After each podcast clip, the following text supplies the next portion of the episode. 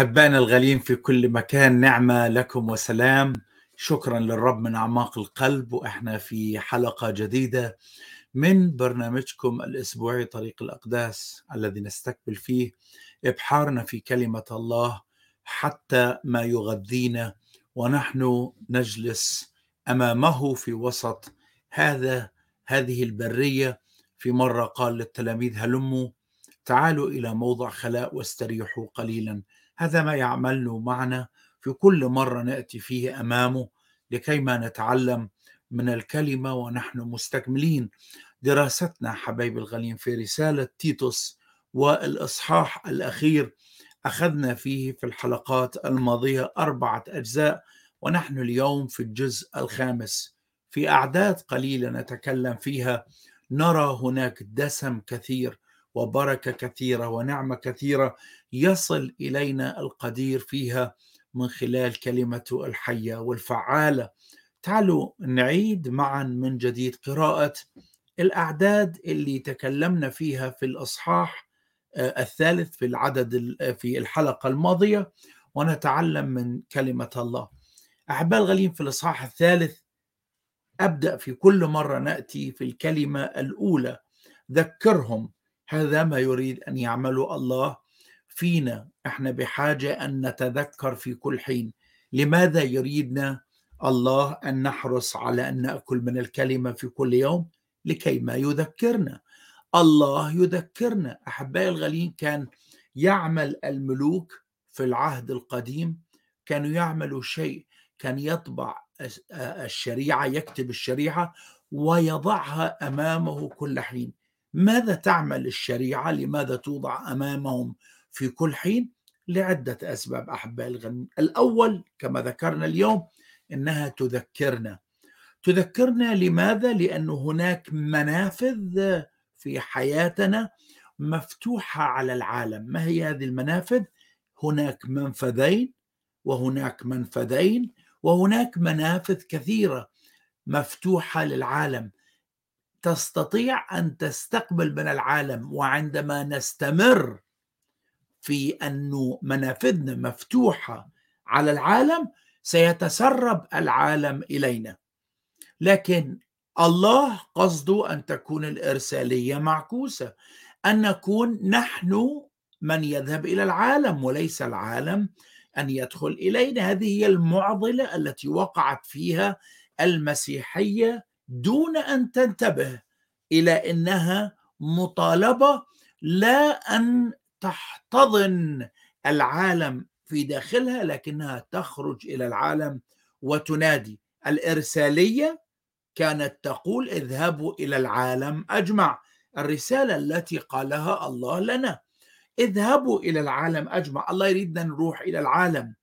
الله لا يريدنا أن نجذب العالم إلينا. هذا ما دخل أفكارنا متصورين إنه الكنيسة هي مكان وعندما أقول الكنيسة وأكرر في كل مرة أقول إنه عندما أتكلم عن الكنيسة أتكلم عن كيان جسد المسيح ولا أتكلم عن المبنى على الإطلاق. الكنيسة ليس مبنى وعندما ساعات نقول هذا الكلام دون أن نفكر فيه نستخدم مصطلحات خاطئة وين رايح يوم الأحد؟ أنا رايح للكنيسة. لا احباء الغاليين إحنا ما رايحين للكنيسة. إيانا أن نسقط في هذا الخطأ. كلنا نسقط في هذا الخطأ. من أين أتيتم؟ أتينا من الكنيسة. ونسأل سؤال بعدها نتأكد. أين هي كنيستكم؟ وتبتدأ شطارتنا تطلع. واحد يقول إحنا على الشارع الفلاني وواحد يقول إحنا في المدينة الفلانية لكن أحبائي الغالين الكنيسة ليست هي المبنى الكنيسة هي جسد المسيح لأنه كلمة كنيسة في اليوناني جاءت أكليسيا وأكليسيا جاءت كلمة من معنيين معناها أكس من من كلمة اكزت وليسيا يعني جماعة يعني جماعة مدعوة لكي تخرج. فالكنيسة هي جماعة. هي ليست حجارة هي ليست مبنى. ليس لها موقع على الأرض. لذلك نرى في أعمال الرسل كانت الكنيسة مجتمعة عند شاطئ البحر وكانت الكنيسة مجتمعة يخرج من الكنيسة صلاة بلجاجة لبطرس عندما كان مسجونا. وين كانت الكنيسة تخرج منها صلاة بلجاجة؟ كانت موجودين في بيت في بيت أم مرقس. وهكذا الكتاب يخبرني أن الكنيسة كانت تجتمع وهنا لا يتكلم على مبنى على الإطلاق لكنه يتكلم عن أشخاص حقيقيين مولودين من الله. بإمكان الخاطئ أن يدخل إلى مبنى الكنيسة وليس هناك إشكالية في ذلك على الإطلاق. فإحنا ممكن نعمل خدمات في داخل مبنى الذي فيه الكنيسة في داخل المبنى الذي فيه الكنيسة ممكن أن نعمل خدمات تبشيرية ممكن أن ندعو ممكن أن نتحرك لكن حبايب الغاليين الكنيسة كجسد لا يمكن على الإطلاق على الإطلاق أن يدخلها الخاطي ويصبح عضوا فيها إلا بعدما أن يسلم حياته للرب ويخلص. الكتاب يقول وكان الرب يضم إلى الكنيسة في كل يوم جميع الذين يخلصون. طبعا لم يكن يضمهم إلى المبنى لكن كان يضمهم إلى الجسد الحي الذي ولد الذي تكون في يوم الخمسين وهذا ما نجده في أعمال الإصحاح الثاني. طيب ذكرهم. الملك كان يضع الشريعة أمامه لكي ما يتذكر رقم واحد. رقم اثنين لكي ما يعلن حضور الله في كل يوم أمامه. وهذا هذا السبب الرئيسي اللي إحنا بحاجة أن نجلس قدام الكلمة في كل يوم. لماذا؟ لكي ما ندرك أنه رئيسنا موجود وحي. اسمعني. في العمل هناك لنا مدير والمدير يعمل الآتي يحرص على أن يعمل بشكل مستمر لقاءات مستمرة مع أفراد العمل. فيعمل اجتماعات. ومن خلال الاجتماعات هذه يجتمع بالفريق العمل. سواء حتى في فترة الكورونا في فترة الكوفيد. صحيح توقفت الاجتماعات لكن حرص الجميع أن تكون الاجتماعات على الميديا. لماذا؟ لماذا؟ لكي ما تعطى التعليمات الجديدة. وهذا السبب آخر. كان الملك يضع الشريعة أمامه لكي ما يأخذ التعليمات الجديدة في كل يوم. الكتاب يقول عبدك أيضا بها يحذر. كلمة الله تحذرنا في كل يوم تغذينا في كل يوم. وكلمة الله حبايبي الغاليين تغسلنا في كل يوم. اسمعني لماذا يجب أن تغسلنا؟ ليس لكي نبقى فقط نظيفين. أحب المسيح أيضا الكنيسة وأسلم نفسه لأجلها لكي يطهرها مغسلا إياها مقدسا إياها بغسل الماء بالكلمة. ما المقصود أنه يعني يغسلنا بالكلمة؟ يغسلنا بالكلمة لما نعيش نظيفين نستطيع أن نتحاشى القاذورات. لكن عندما نعيش في القذارة ماذا يحصل حبايبي الغالين نستقبل القذارة وكأنها جزء لا يتجزأ من حياتنا.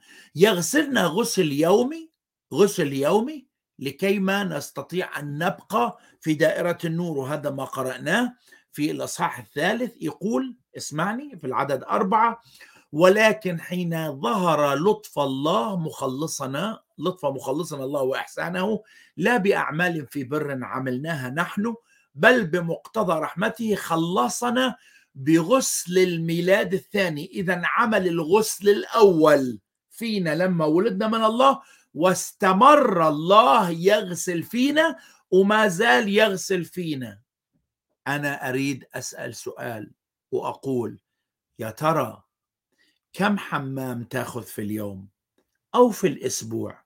يا ترى نقرأ الكلمة مرتين في الأسبوع ثلاث مرات في الأسبوع؟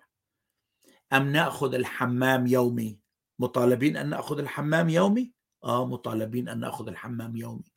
بعد كل يوم شاق بعد كل يوم شاق وفي بداية كل يوم شاق نعم في بداية كل يوم شاق يجب أن نحرص. احباء الغاليين قراءة كلمة الله ودراستها ليست واجب على المؤمن. إن أكثر كلمة آسف في الكلمة اللي راح أقولها أكثر كلمة تحقر قيمة كلمة الله هو أن عندما تقرأ كتابك لأنه واجب. أحبائي الغاليين لو سألنا أي واحد يأكل وقلنا له لماذا تأكل؟ يقول لكي ما أتغذى لكي ما وهكذا. لا يقول إنه أنا آكل لأنه هذا واجب علي. لا نسمع الكلمة إنه الذي يأكل من الكلمة الذي يأكل طعامه اليومي هو واجب. عمرنا في يوم عمرنا في يوم أكلنا لأنه واجب علينا؟ لا لكن اسمع لو سألت ماما وبابا اللي يحضرون الطعام وتقول لماذا يجب أن أحضر الطعام؟ أعتقد لو قلنا يعملوه تأدية لواجباتهم أيضا تحقر العلاقة بيننا وبينهم لأنهم يعملوه بدافع المحبة. الله يريدنا أن نجتمع كنيسة لكي ما نأكل وهو ليس واجب عليه لكنها مسؤولية المحبة المقدمة منه. طيب تعالوا ننتبه إلى إلى مجموعة أعداد ونشوف كم البركات التي فيها اللي قرأناها في السابق. لكن حين ظهر العدد أربعة حين ظهر لطف مخلصنا الله وإحسانه لا بأعمال في بر عملناها نحن بل بمقتضى رحمته خلصنا بغسل الميلاد الثاني وتجديد الروح القدس الذي سكبه بغنى علينا بيسوع المسيح مخلصنا حتى إذ تبررنا بنعمته نصير ورثة حسب رجاء الحياة الأبدية. إحنا قرأنا عدد أربعة خمسة ستة سبعة. هذه الأربع أعداد تكلمني عن عمل الله الكامل. ماذا نستطيع أن نقرأ؟ تعالوا ننتبه مع بعض وإحنا نقرأ الأعداد. اللي تابعنا على الفيسبوك تابع معي هذه الأعداد الحلوة الغالية. يقول في الأعداد اللي قرأناها يقول حين ظهر لطف مخلصنا حين ظهر لطف مخلصنا الله وإحسانه. إذا إحنا أمام لطف من الله وإحسان. اكتبها في كتابك حط تحتها خطوط. اللي فاتح كتابه خليه يحط خطوط تحت هذه الكلمة. الله الله أعطانا إحسان وأعطانا لطف من عنده. طيب ماذا أيضا نقرأ؟ نقرأ أنه لا بأعمال في بر عملناها نحن أي ليس لأنه هناك سبب فينا نحن. اسمعني الله لا يعطيك لطف وإحسان لأنه أنت تستحق. حتى وإن كنت قد عملت أعمال بارة حتى لو كنت قد أعملت عملت أعمال جيدة. لا بمقتضى لا بأعمال في بر عملناها نحن. بل بل بمقتضى رحمته خلصنا بغسل الميلاد وتجديد الروح. فإذا أعطانا لطف وإحسان رقم واحد. رقم اثنين أعطانا لطف مع اللطف والإحسان أعطانا غسل وتجديد. إذا اللطف والإحسان أعطانا غسل وتجديد. أيضا أحبائي الغاليين سنقرأ عن أمرين. سنقرأ عن رحمة الله و... ونعمة الله. وين نقرأها؟ اسمعني. لا بأعمال في بر عملناها نحن بل بمقتضى رحمته. رحمة الله. وماذا أيضا أحبائي الغاليين؟ اسمعني. العدد سبعة ماذا يقول؟ حتى إذ تبررنا بنعمته أعطانا نعمة وأعطانا رحمة وأعطانا لطف وأعطانا إحسان. وأعطانا غسل وأعطانا تجديد. طب هل ممكن أن نطلع أشياء أخرى من هذا الأعداد؟ نعم راح نطلع شيئين آخرين. في العدد خمسة وسبعة أيضا. العدد خمسة يقول لا بأعمال في بر عملناها بل بمقتضى رحمته خلصنا أعطانا خلاص.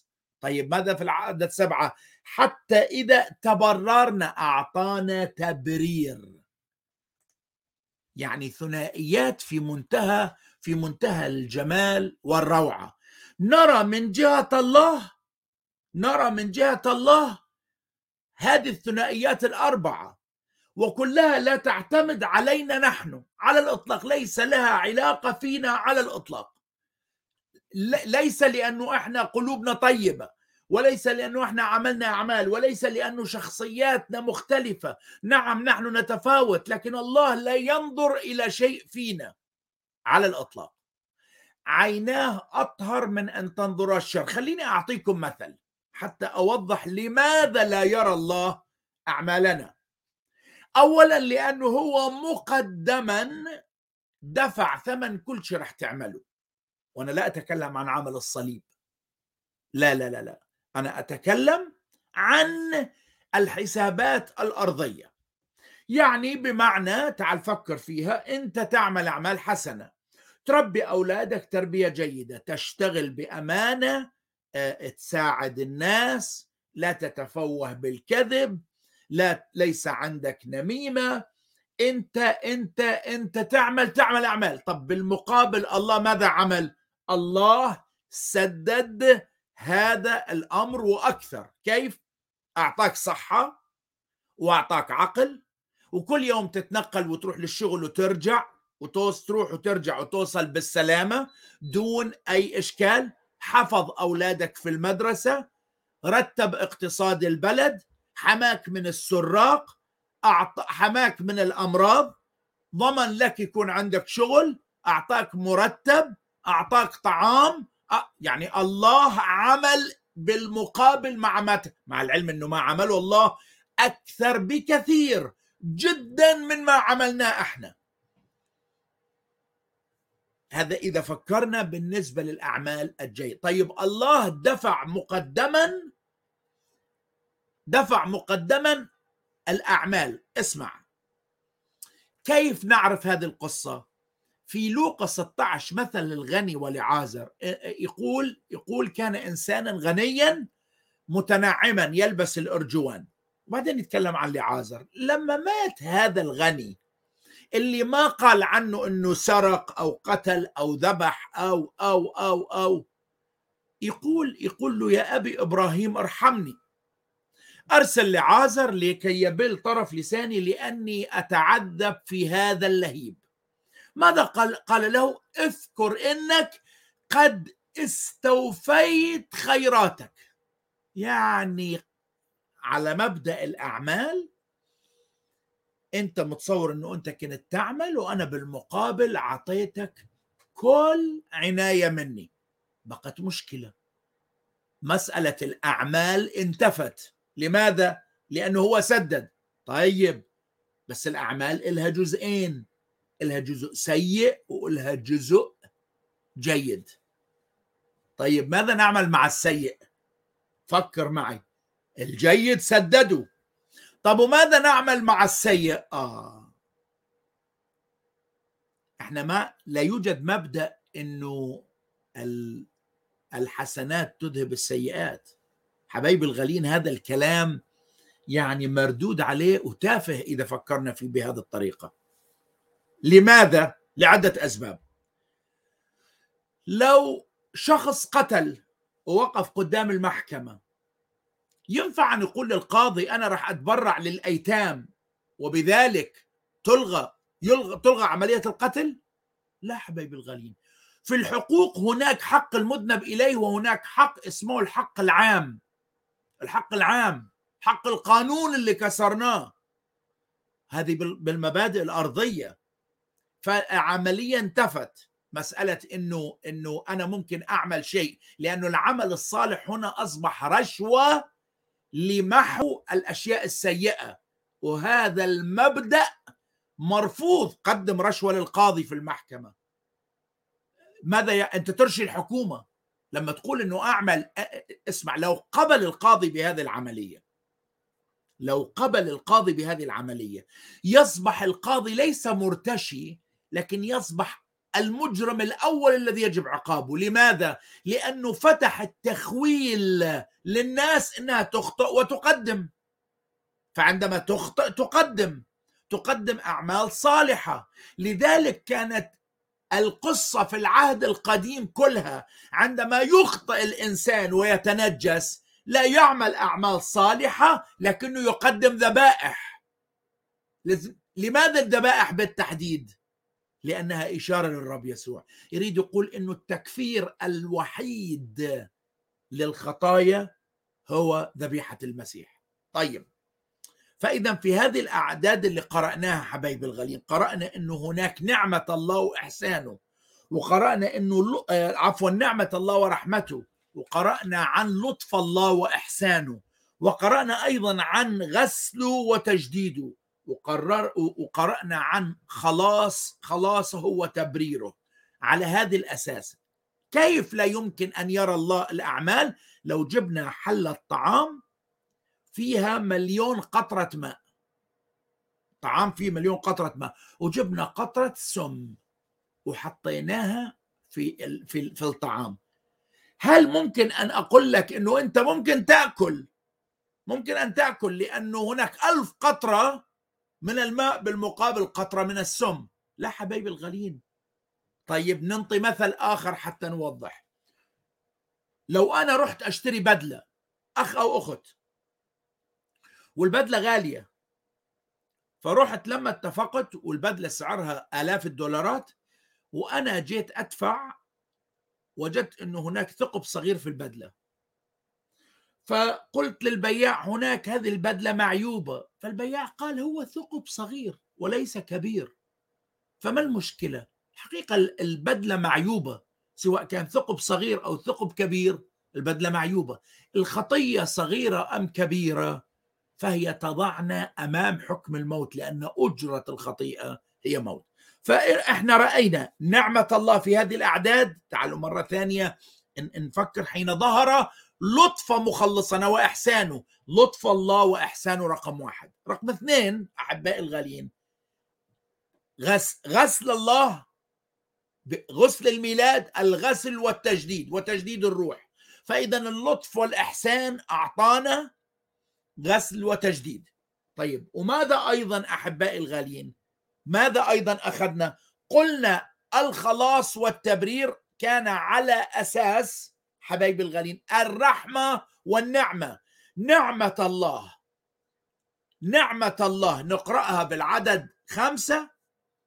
يقول يقول الآتي بمقتضى رحمته الرحمة والعدد سبعة تبررنا بنعمته. إذا النعمة بررتنا والرحمة اسمعني النعمة بررتنا والرحمة خلصنا. قدمت لله لنا من خلال هذه الأربع أعداد. أعطانا العبارة كاملة. طيب وإذا واحد فينا قال طيب وكيف أعرف؟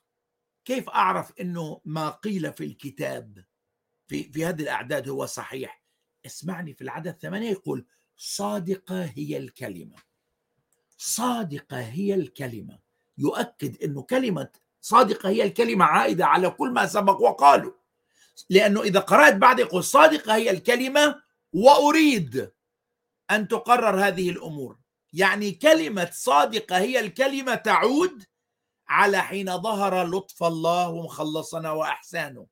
لا بأعمال في بر عملناها نحن بل بمقتضى رحمته آه، خلصنا بغسل الميلاد الثاني وتجديد الروح الذي سكبه. بغنى علينا بيسوع المسيح مخلصنا حتى إذ تبررنا بنعمته. اسمعني.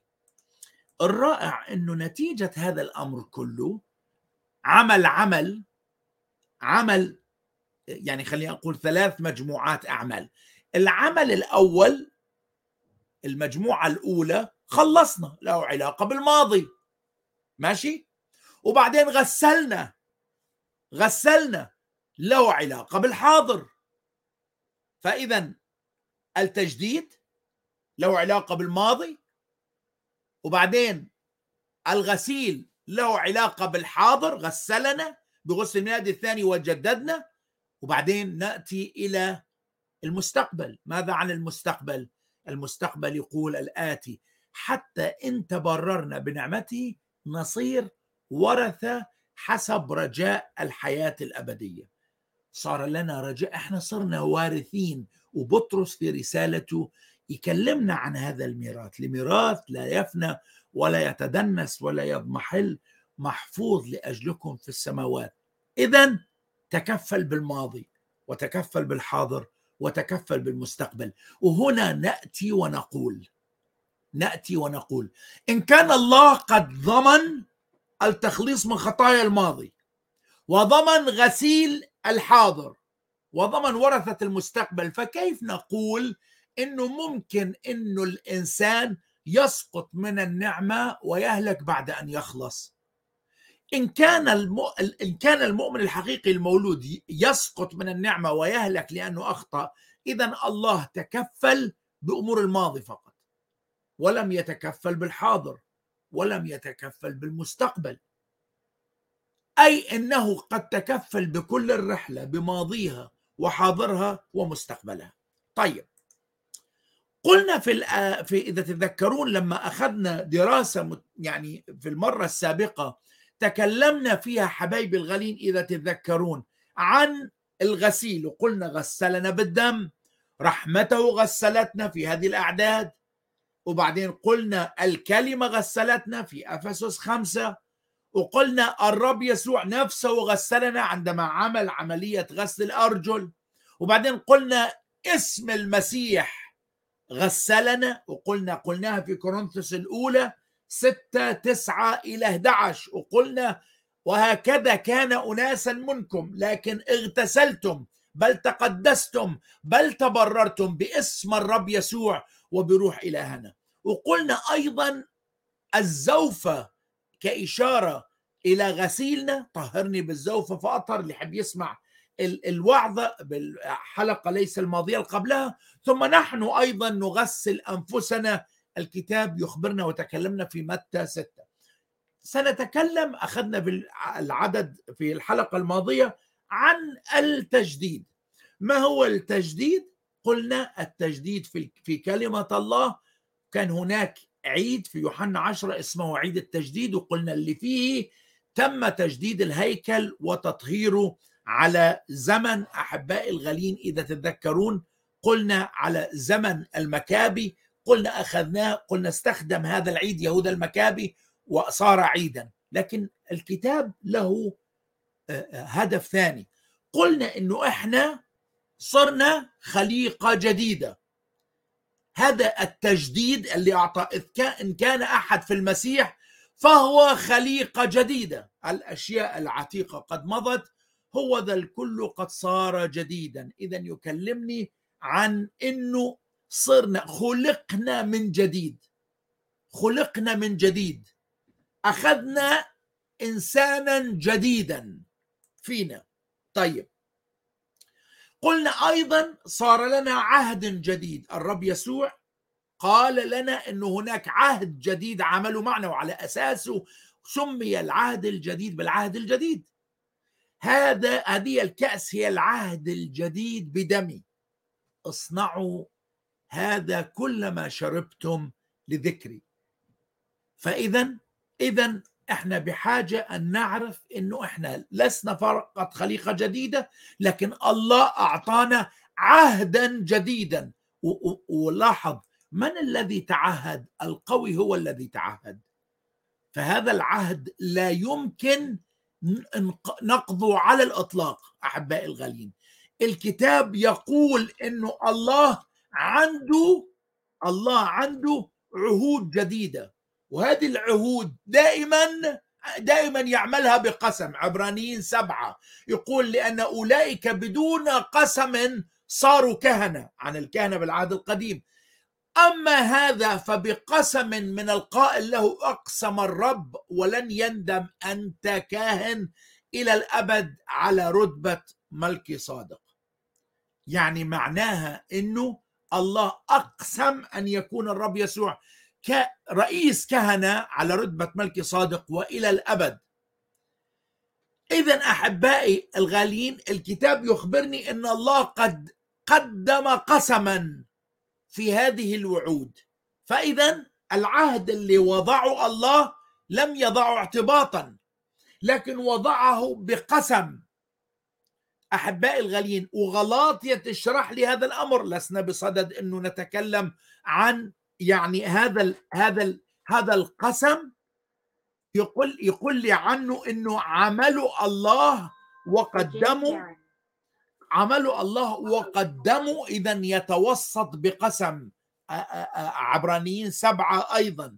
لذلك إذ أراد الله أن يظهر أكثر كثيرا لورثة الموعد عدم تغيير قضاءه توسط بقسم. تعالوا ناخذ مكالمة من ماما فيرجين سلام المسيح يا ماما يا غالية. النعمة والسلام حبيبي نعمة والسلام الرب يباركك خدمة رائعة و... ودروس مهمة جدا رب يباركك أمين يا بركة. عندي سؤال. تفضلي. تقول الله أقسم نعم. بمن أقسم حلو. رائع.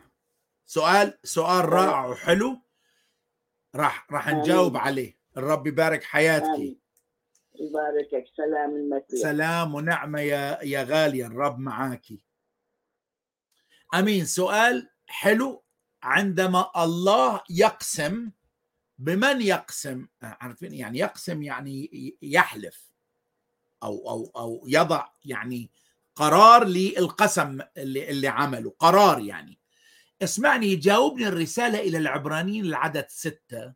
يقول الآتي بالنسبة لل... لل... للقسم اللي عمله مع إبراهيم. العدد 13 يقول فإنه لما وعد الله إبراهيم إذ لم يكن له أعظم يقسم به أقسم بنفسه. يعني لأنه هو الأعظم فأقسم بنفسه. قائلا إني لأباركنك بركة وأك... وأكثرنك تكثيرا. الله قسم بنفسه. يعني اسمع والله عمل شيئين. الله عمل قسمين. عمل قسمين القسم الأول كان للبركة ولا يوجد قسم آخر أحبائي الغالين لا يوجد قسم آخر. القسم الأول كان للبركة بذاتي أقسمت.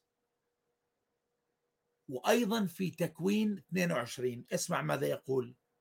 قسم قسم من الله يعيد الكلام بذاتي أقسمت يقول الرب إني من أجل إنك فعلت هذا الأمر ولم تمسك ابنك وعيدك. تكوين 22 16 أباركنك مباركة وأكثر نسلك تكثيرا كنجوم السماء وكالرمل الذي على شاطئ البحر ويرث نسلك ما بعدائه. هذه أول مرة أحبائي الغالين اسمع عمل قسم آخر. يعني عملوا في قمة الغضب. صدق؟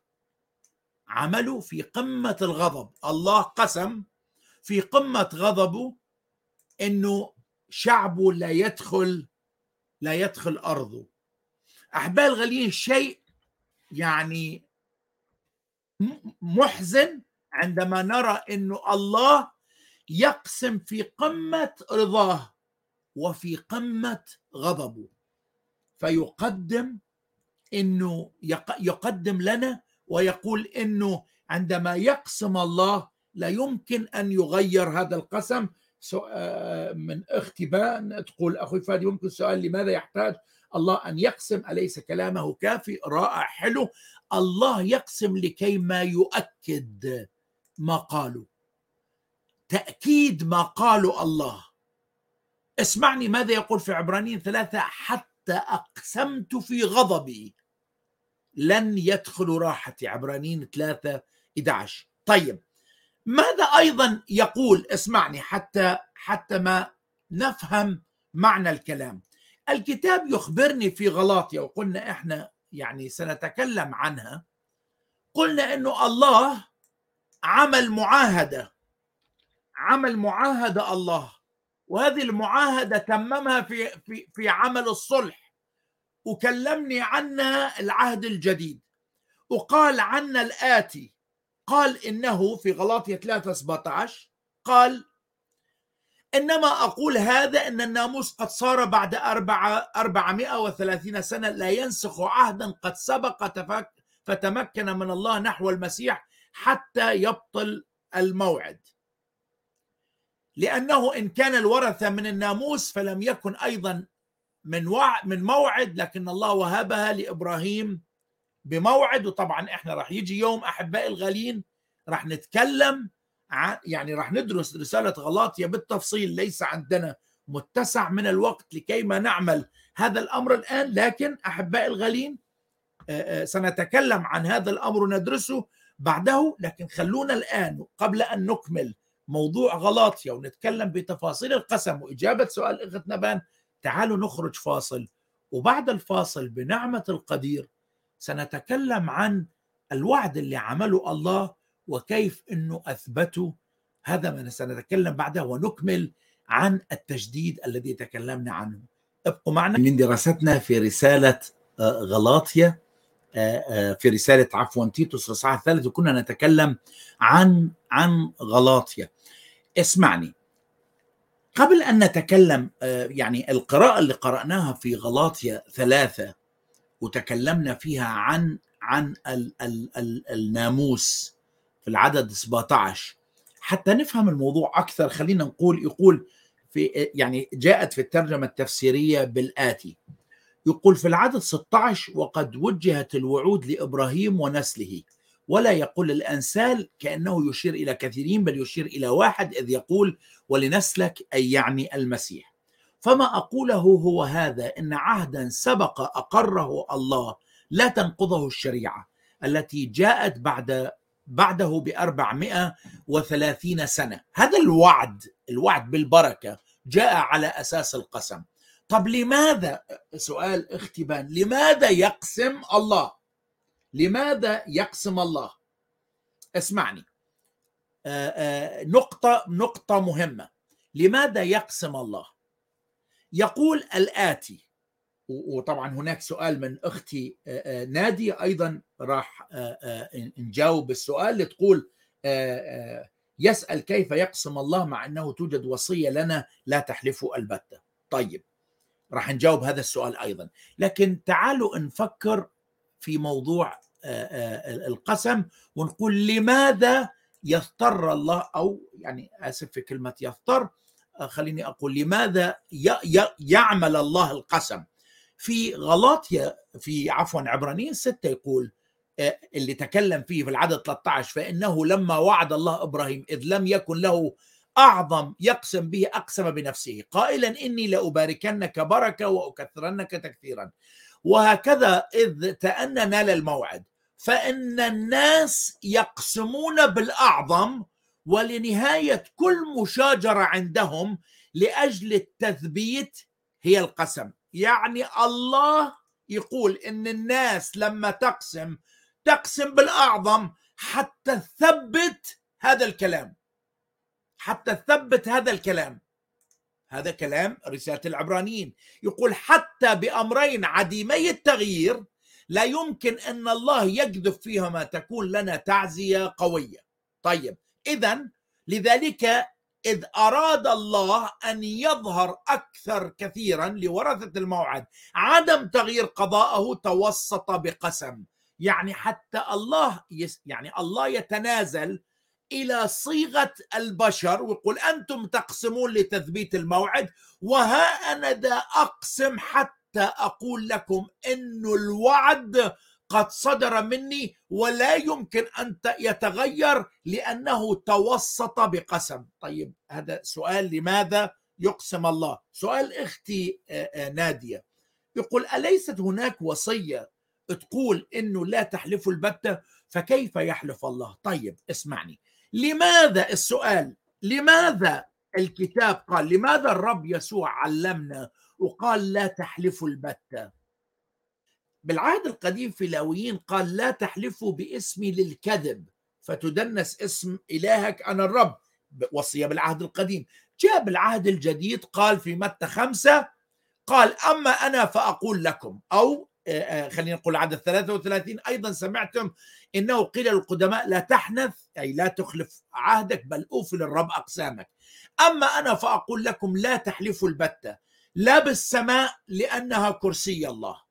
ولا بالأرض لأنها موطئ قدميه ولا بأورشليم لأنها مدينة الملك العظيم ولا تحلف برأسك لأنك لا تقدر أن تجعل شعره واحدة بيضاء أو سوداء بل يكن كلامكم نعم نعم ولا لا وما زاد على ذلك فهو من الشرير. اسمعني. لماذا لا يقول لنا لا تحلفوا؟ لأنه كل الأشياء اللي أنا راح أحلف بها هي ليست ملكي لها ملكية أخرى.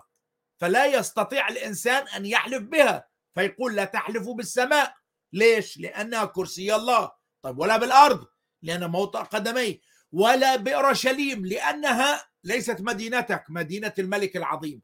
ولا تحلف برأسك لأنه حتى شعرة واحدة من رأسك لا تستطيع أن تغيرها. من الذي يملك كل هذا؟ الله. فعندما يقدم الله قسما هو ليس تحت القانون هذا بل هو واضع القانون هو لم يكسره لأنه إن فكرنا إن حلف الله يعني بمعنى إن حلف الله في السماء فهي كرسيه وإن حلف بالأرض فهي موطئ قدميه وإن حلف بأورشليم فهي المدينة العظيمة وإن حلف بشعر من رؤوسنا فهو الذي قادر أن يحولها فهو يتوسط بقسم يتوسط بقسم لأنه هو صاحب هذه الأشياء.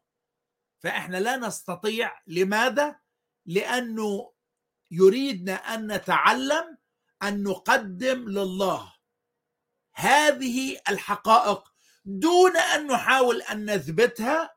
لماذا؟ لأنها مثبتة على أساس كلمة الله نفسها. هذا هو المد... لماذا لا يريدنا أن نحلف؟ لأنه مثبتة أيضا في كلمة الله. فإحنا نقدم رسالة الخلاص. طيب لو قال من قال اللي قلته نقول كلمة الله قالت. طيب وإن لم يصدق هو حر.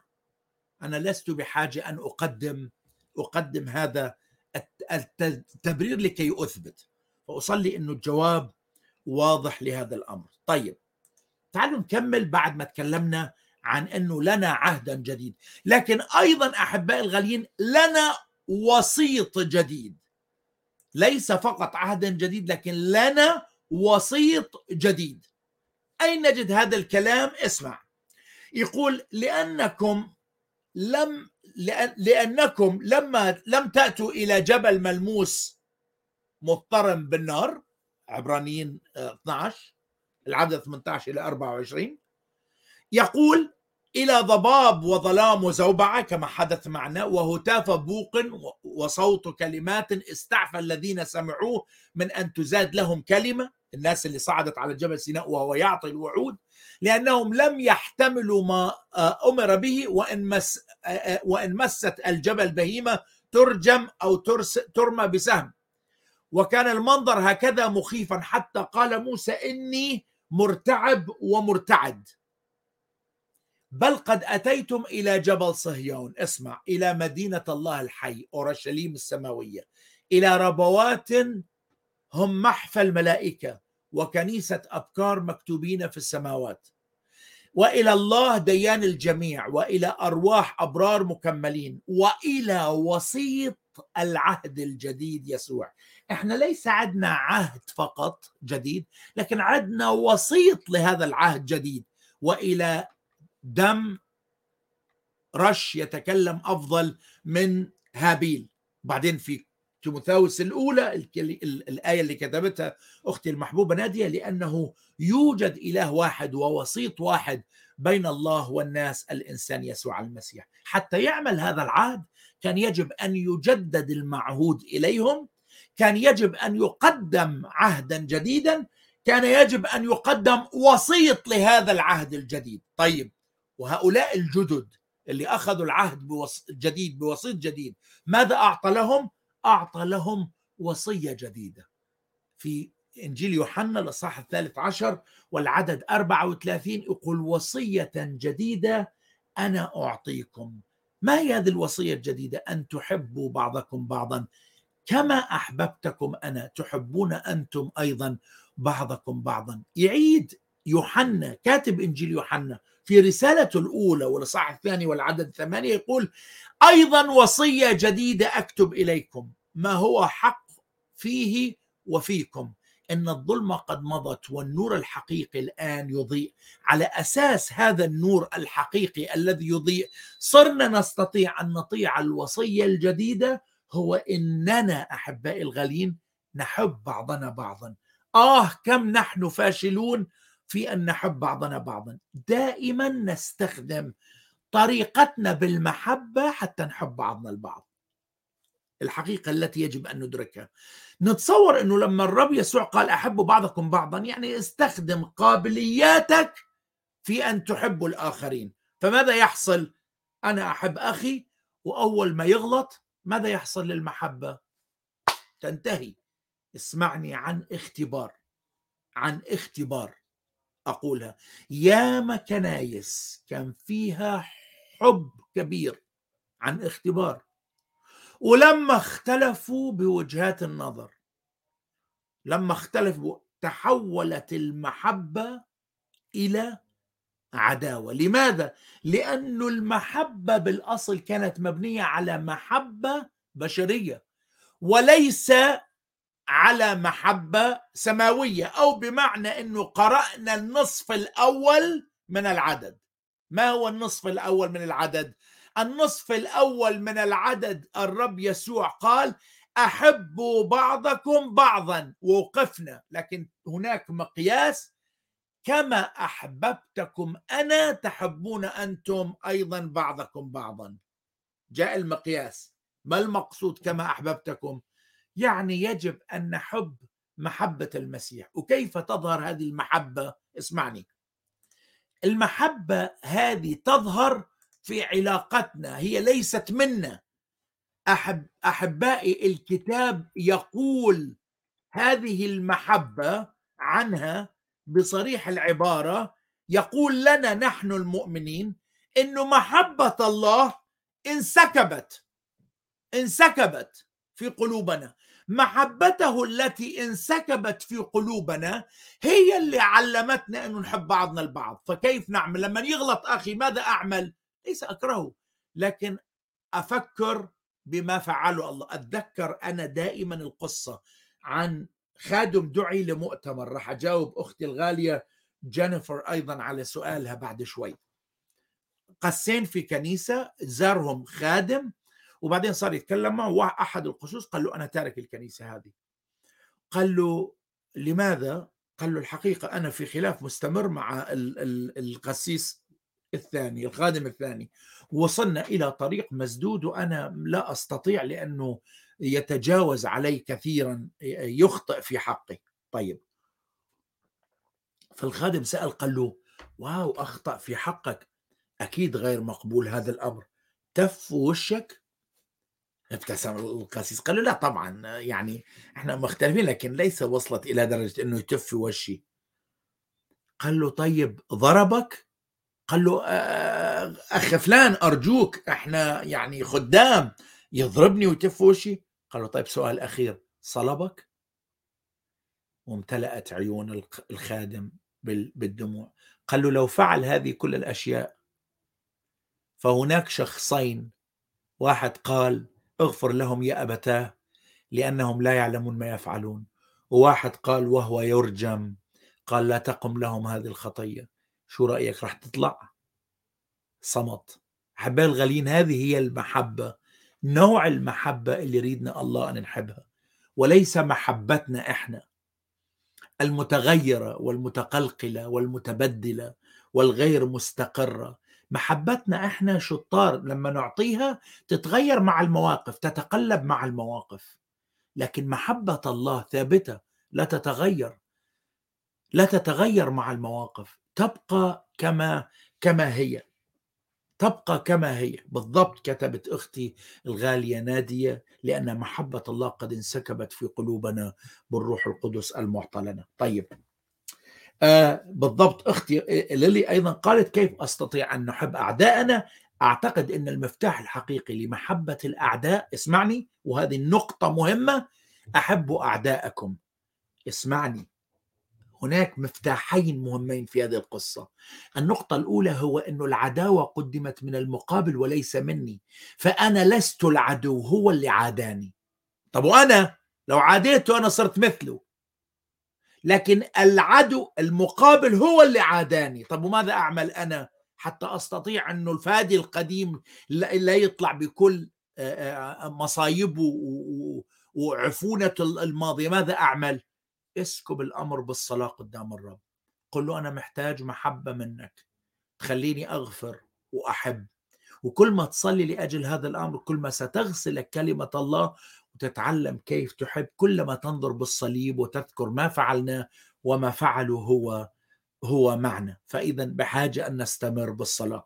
سؤال أختي الغالية جينيفر please ممكن توضيح الفرق بين العهد القديم والعهد الجديد؟ وهل العهد الجديد لليهود أم للجميع؟ سؤال في منتهى الحلاوة. العهد القديم أحباء الغاليين كان على أساس الناموس ولم يكن ضمن خطة الله المقررة. احبائي الغاليين منين نعرف إنه الناموس لم يكن خطة الله المقررة؟ أيضا احبائي الغاليين رسالة غلاطيا الكتاب يخبرني في غلاطيا ثلاثة يقول الآتي. يقول فلماذا الناموس؟ لماذا وضع الناموس؟ إذا كان هناك وعد بالبركة. فلماذا الناموس؟ يقول قد زيد الله ضافه بسبب التعديات. إلى أن ماذا؟ إلى أن يأتي النسل الذي قد وعد وعد له مرتبا بملائكة في يد وسيط. الله زاد الناموس أضافه بسبب كثرة التعديات. يعني عمل الآتي اسمعني. صف صف الطلاب فيه مجانين يركضون ويخربون. فجاب لهم مراقب يعاقبهم. ويعمل ماذا؟ أول ما يطلع يكتب اسم واحد وياخذه للمدير. هذا اللي عمله هذا اللي عمله الناموس. الناموس اللي عمله كان المراقب اللي عمل هذا الأمر. طيب وماذا بعد ذلك إلى أن جاء المدرس الحقيقي؟ والمدرس الحقيقي هو اللي قد هو اللي عرف يتعامل ويخلق طبيعة جديدة في المؤمنين. طيب.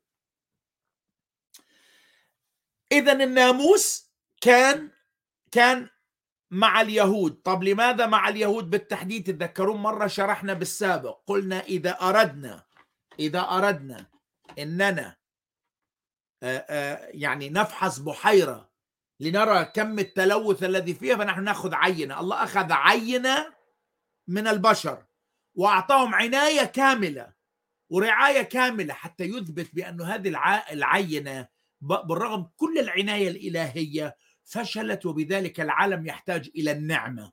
فقدم له النعمة وقدم العهد الجديد الله لمن؟ لكل العالم لكل البشر لكل البشر ابتداء من الناموس لأن كل من يدعو باسم الرب يخلص. من من؟ من اليهود؟ فقط؟ لا طبعا. من من؟ من كل العالم.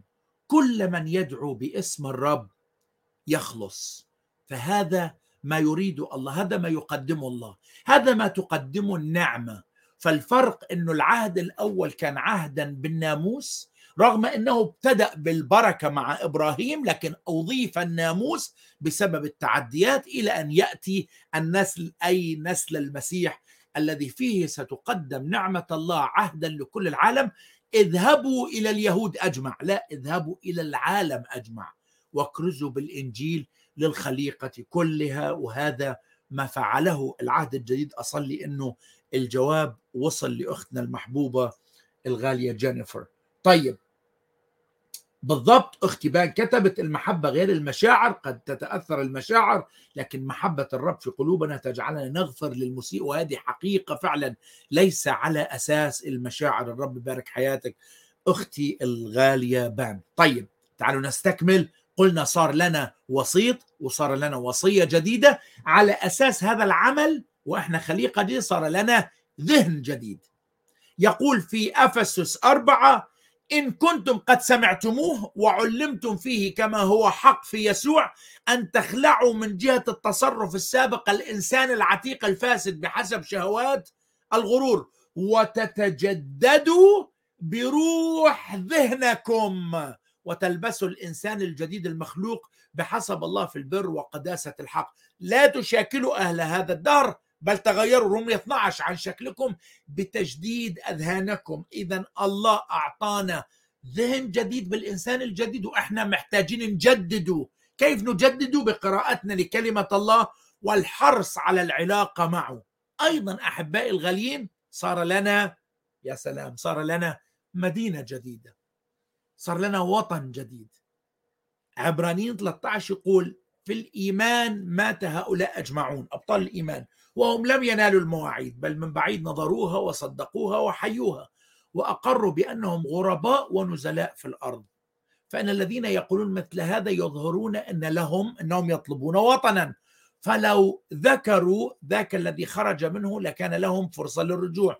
ولكن الآن يبتغون وطنا أفضل أي سماوي. لذلك لا يستحي بهم الله أن يدعى اليهم لأنه أعد لهم مدينة. صار لنا مدينة ثانية. صار لنا سكن ثاني. صار لنا وطن ثاني. هذه هذه هذه المدينة الجديدة اللي نشتاق نطلبها أن نصل أن نصل إليها. وتتذكرون القصة اللي شاركتكم فيها عن هذا الخادم المرسل 25 سنة وبعث رسالة لوطنه وقال لكنيسته أنا راجع في اليوم الفلاني وعلى المركب. ويفكر كم كبرت الكنيسة وشاف في ناس وضجة كثيرين وفرشوا الكاربت السجادة الحمراء واستعجب من محبته. وبعدين اكتشف إنه هناك أمير على القارب. واستقبلوه الناس وقال يمكن ليس لي بس أكيد كنيستي وسط هذا الجموع. فانتظر انتظر وغادر الجميع ولم يستقبلوا أحد. وكان في خيبة أمل يبكي مع زوجته وقال لها أنا سافرت 25 سنة ورجعت إلى وطني وهذه النتيجة لا يوجد أحد لاستقبالي. قالت له لماذا تشكي الأمر لي؟ لماذا لم تشكوه للذي أرسلك؟ ودخل إلى البيت مباشرة إلى مخدع الصلاة بيته القديم. وقعد وبعد ساعة خرج هو مبتسم. قالت له زوجته عجيب دخلت مغتم وخرجت مبتسم. يا ترى ماذا قال لك سيدك؟ قال, قال لها قلت له ما اشتست فيه. قلت له رجعت إلى وطني ولم يستقبلني أحد. فقالت له بماذا أجابك؟ قال لها قالت له أجابني وقال أنت لم تصل إلى وطنك بعد. أنت رجعت إلى إلى المدينة التي كنت فيها لكنها ليست مدينتك. لكن عندما تصل إلى وطنك سنكون أنا نفسي باستقبالك. إنك لم تصل إلى وطنك بعد. وهذا ما سيعمله الله معنا. إن جاء ليأخذنا فسيكون هو نفسه باستقبالنا. هو وحده الذي سيستقبلنا. بقيت لنا نقطة أخيرة نختم بها حلقتنا. صار لنا أحباء الغاليين أرضا جديدة وسماء جديدة. يقول الكتاب فبما أن هذه كلها تنحل أي أناس يجب أن تكونوا؟ في سيرة مقدسة وتقوى منتظرين وطالبين سرعة مجيء الرب الذي به تنحل السماوات ملتهبة والعناصر محترقة تذوب. ولكننا بحسب وعده ننتظر سماوات جديدة وأرضا جديدة يسكن فيها البر منتظرين السماء والأرض الجديدة التي يسكن فيها البر. وتعالوا في عجالة نرى ما الذي فعلوا بتجديد الروح. صار صرنا خليقة جديدة صار لنا عهدا جديدا صار لنا وصيه لعهد جديد صار لنا وصية جديدة صار لنا ذهنا جديدا صار لنا مدينة جديدة وصرنا ننتظر سماء جديدة وأرضا جديدة يسكن فيها البر. أصلي من قلبي أن تتمتع ببركات هذا التجديد وفيه تستطيع أن تتعزى وتقول الأشياء العتيقة قد مضت وهو ذا الكل قد صار جديدا. في نهاية حلقتنا صلوا لأجلي وأنا أيضا أصلي لأجلكم أستودعكم بيد القدير. سلام سلام لشعب الرب. في كل مكان سلام المسيح معكم. آمين.